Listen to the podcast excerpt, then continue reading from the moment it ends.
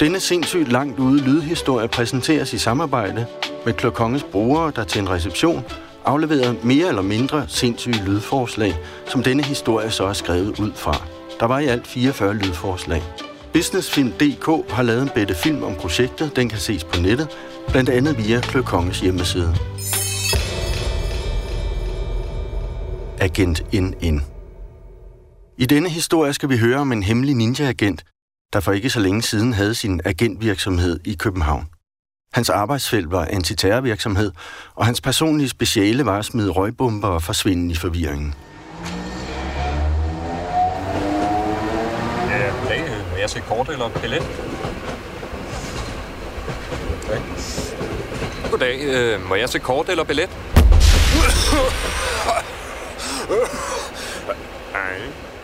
Ninja-agenten gik under dæknavnet Ninja Niller, hvilket i 2006 blev forkortet til det endnu mere agentagtige og anonyme Agent NN. Det store træskilt, som hans ven Ninja Sneaker havde lavet til ham, og som hang uden for hans agentbutik i Dybelsgade på Vesterbro, blev den anledning også kortet lidt ned. Det var midt under byggeboomet, så der var ingen håndværker, der havde tid til at tage sig små opgaver, men man fandt et godt alternativ ude på Amagerfællet, der kun skulle have 1200 i timen, nemlig en ivrig og spraglet fugl, der var godt tilfreds med endelig at have noget rigtigt træ at hakke i, for som den småbittert sagde, alle bygger jo i glas og stål nu om stunder. Og så var det lange navn kortet ned. Agent NN kede sig en del, for der var ikke så meget terrorvirksomhed, som man måske kunne tro, og således var der heller ikke brug for særlig meget antiterrorvirksomhed. Agent NN holdt sig i form ved at gå ture i København, Hej, jeg skal til Sankt Jørgensø. Så gerne, min ven.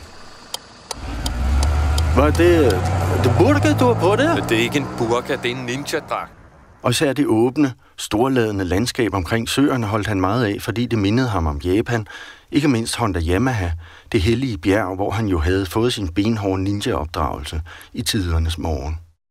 Åh, at sidde i planetariets restaurant og drikke kaffe og kigge ud på vinterlandskabet, og på ungerne, der legede i sneen derude, det mindede ham sådan om de forhold, han selv var vokset op under.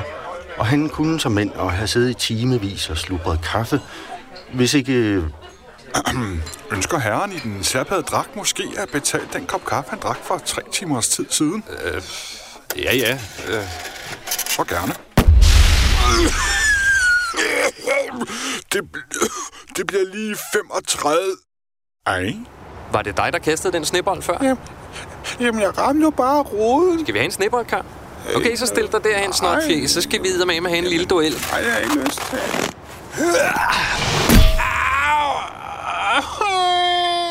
Ja, ninjaer mosler jo gerne lige en kastestjerne ind i deres snebolde, så det er ikke det rene sjov at have sneboldkamp mod sådan en. Men sådan gik agent ind ind rundt og holdt sig i form, hvor han kunne komme til det. Og denne dag, hvor vi nu går i hans fodspor, behagede foråret at bryde frem, isen knagede på Sankt Jørgens sø, cykler, der havde ligget på isen, faldt til bunds, og lige der havde været forsejlet i ismassivet, steg op, og de japanske kirsebærtræer blussede i hvideligt flor, så det næsten så ud, som om de atter var blevet ramt af snifald. Et andet sikkert forårstegn var, at tiggerne nu igen myldrede frem, de stod på ræde række langs stierne om søen og prøvede at tjene en skilling på deres musikalske kundskaber.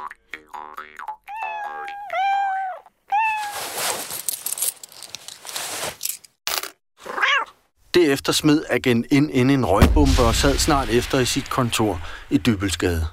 Agent NN havde nederen, fordi folk levede spændende liv omkring ham og ret åbenlyst, mens det i virkeligheden var ham, der skulle leve et spændende liv dog i al hemmelighed. Nej, det var blevet småordinært at være ninja.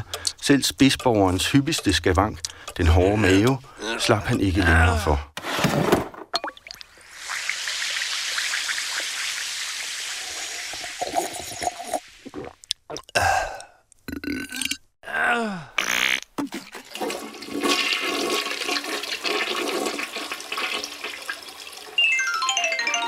En sms. Agent NN skyndte sig ud fra lokummet og åbnede den indkommende besked på sin splinter nye iPhone. Han læste den og sukkede. Det var gode nyheder, fordi det drejede sig om en hemmelig sag, langt om længe. Og det var dårlige nyheder, fordi hemmelige ninja-beskeder altid er selvdestruerende, og fordi hans iPhone var helt ny. This iPhone will self-destruct in T-minus now. Au, au, au, for satan! Ak ja, alting skal jo gå så stærkt nu om stunder. Selv selvdestruktionen er speedet op i tempo. Agent NN havde dog nået at læse meddelelsens væsentligste indhold.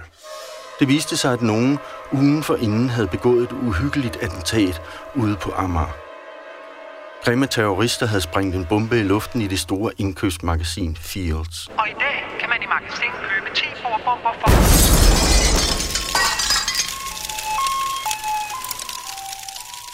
Agent NN ærgerede sig over, at vigtig tid var gået tabt. Der var imod væk gået en uge siden hændelsen var passeret. Ninja-netværket lod snart meget tilbage at ønske. Agent NN tog sin særlige ninja-indsatsdragt på og ræsede derefter ud mod Amager. Fields lå øde og sodsværtet hen. Området var blevet afspærret. Politifolk stod hist og pist foran det rød- og hvidstribede plastikbånd og vogtede over ruinen. Men agent NN var jo ekspert i at gøre sig selv usynlig, og luskede snart rundt langs resterne af den store bygning. Agent NN spidsede øren. Der stod angiveligt allerede en graffitimaler og malede på Fields ruinen. Agent NN havde faktisk selv braget godt op på Honda Yamaha i tidernes morgen under skrivernavnet Bente Massen, Så snart stod de to graffiti-interesserede og udvekslede erfaringer om gadekunstens finesser. Skriveren, der åbenbart skrev under navnet Quades, var meget interesseret i at høre om, hvordan det var at male på et bjerg, mens agent NN på sin side fandt det spændende at høre om, hvordan Fields hårde og kunstige overflade gjorde farverne i spraydåserne stor ære, når de blev sluppet løs i koncertige krumelyrer og opulente ornamenter. Og så lige pludselig med et faldt tiøren for ninja-agent NN. Pludselig begreb han, hvem der var terroristen, hvem der stod bag denne grove handling, bumpningen af Fields. Og du kan faktisk selv gætte med på, hvem det er. Vi er nemlig allerede blevet introduceret for vedkommende i denne beretning. Kan det være drengen måske, der fik en kastestjerne i øjet? Taxachaufføren. Var det, det burger, du på det? Tjeneren på planetariet. Så gerne. Manden, der spillede jødeharpe. Graffiti-maleren. Nej, terroristen skulle søges et ganske andet og noget overraskende sted. Agent Inden ræsede ud på Amagerfældet, hvor de hurtigt lykkedes ham at indkredse terroristen. Det var bare at gå efter lyden. Spætten, ja, der havde udtrykt bitterhed over bygninger af glas og stål, så som Fields formodentlig. Det måtte være den. Agent NN anråbte den venligt og fik den lokket til Dybelsgade til et nyt job, nemlig en yderligere forkortning af skiltet i det agent NN fremover ville hed agent N. Spætten var med på den. Men aldrig så snart havde den spraglede fugl sat sig til rette på skiltet, reddet til at hakke det ned, før en agent NN bortførte fuglen ned i kælderen, bandt den til en stol og begyndte på en veritabel lydtortur. Først forsøgte han med en negl på en tavle, så med et stykke flamingo på en rude. Men spætten skokker lå blot, i det den jo havde fået høreskade i de mange års hakkeri. Derfor tog agent NN nu de grovere metoder i brug. Skal du smage den nedhalet, din lille bitch? Og så kunne den åndssvage fugl jo ellers nok få tungen på glæd, for den ville ikke være nogens bitch. Og så var sagen opklaret.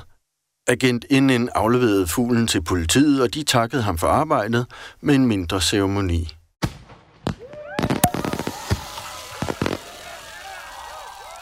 Ninja-agent NN, vi vil fra Rigspolitiets side gerne takke for din fine indsats i forbindelse med indfangningen af Fields-terroristen.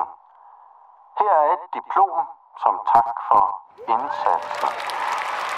Og øh, her er et par geokort, et lille opslag i vores register afslørede jo en ikke ubetydelig stak uafsluttede sager angående forstyrrelse af den offentlige orden.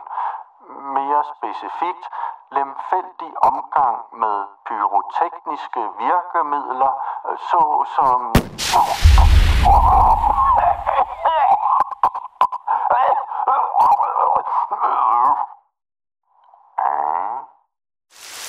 Og så begyndte det at regne, og så holdt det op igen. Historien er skrevet og indtalt af Boris Bold Johansen med lyd og teknik af Bossy Bo. Mange tak til Kløkongens brugere for talrige lydforslag, og tak til businessfilm.dk. Og nu skal vi have noget kaffe.